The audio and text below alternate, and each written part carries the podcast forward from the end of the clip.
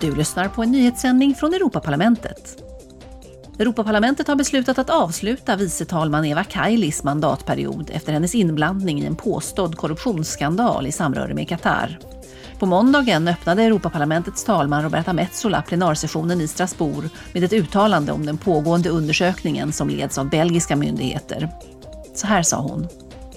The enemies of democracy for whom Demokratins fiender för vilka detta parlaments blotta existens är ett hot väjer inte för något. Dessa illvilliga aktörer knutna till autokratiska tredje länder påstås ha använt icke-statliga organisationer, fackföreningar, individer, assistenter och parlamentsledamöter som vapen i ett försök att undergräva våra processer.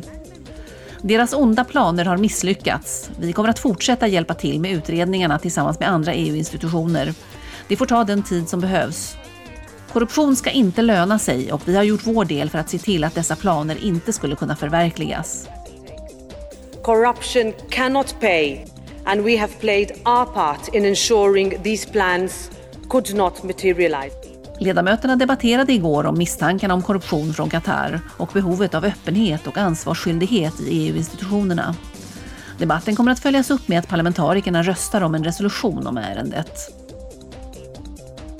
I en annan debatt igår diskuterade ledamöterna med kommissionens vice ordförande Frans Timmermans om en ny lag för att snabba på byggtillstånden för nya kraftverk för förnybar energi, som solpaneler och vindkraftverk. Renewables are and remain the Förnybar energi är och förblir den billigaste energikällan och den finns här hemma. Det är precis vad vi behöver. För att få fart på utbyggnaden av förnybara kraftverk så måste vi radikalt förenkla byråkratin för godkännande av sådana projekt. Vi måste agera sida vid sida med medlemsländerna. together with member states who will need to act in parallel. Omröstningen om den nya lagen sker idag. Igår diskuterade ledamöterna EUs framtidsutsikter med Sloveniens premiärminister Robert Golob. På plats i Strasbourg var han en av många som fokuserade på energikrisen. Han sa så här. Den gröna omställningen är faktiskt inte bara den enda vägen framåt utan också enda sättet att ta itu med tre problem samtidigt. Den ökar vår självständighet och ger energioberoende åt Europa. Den är den enda vägen mot energioberoende. Den minskar dessutom klimatförändringarna och till syvende och sist också energipriserna.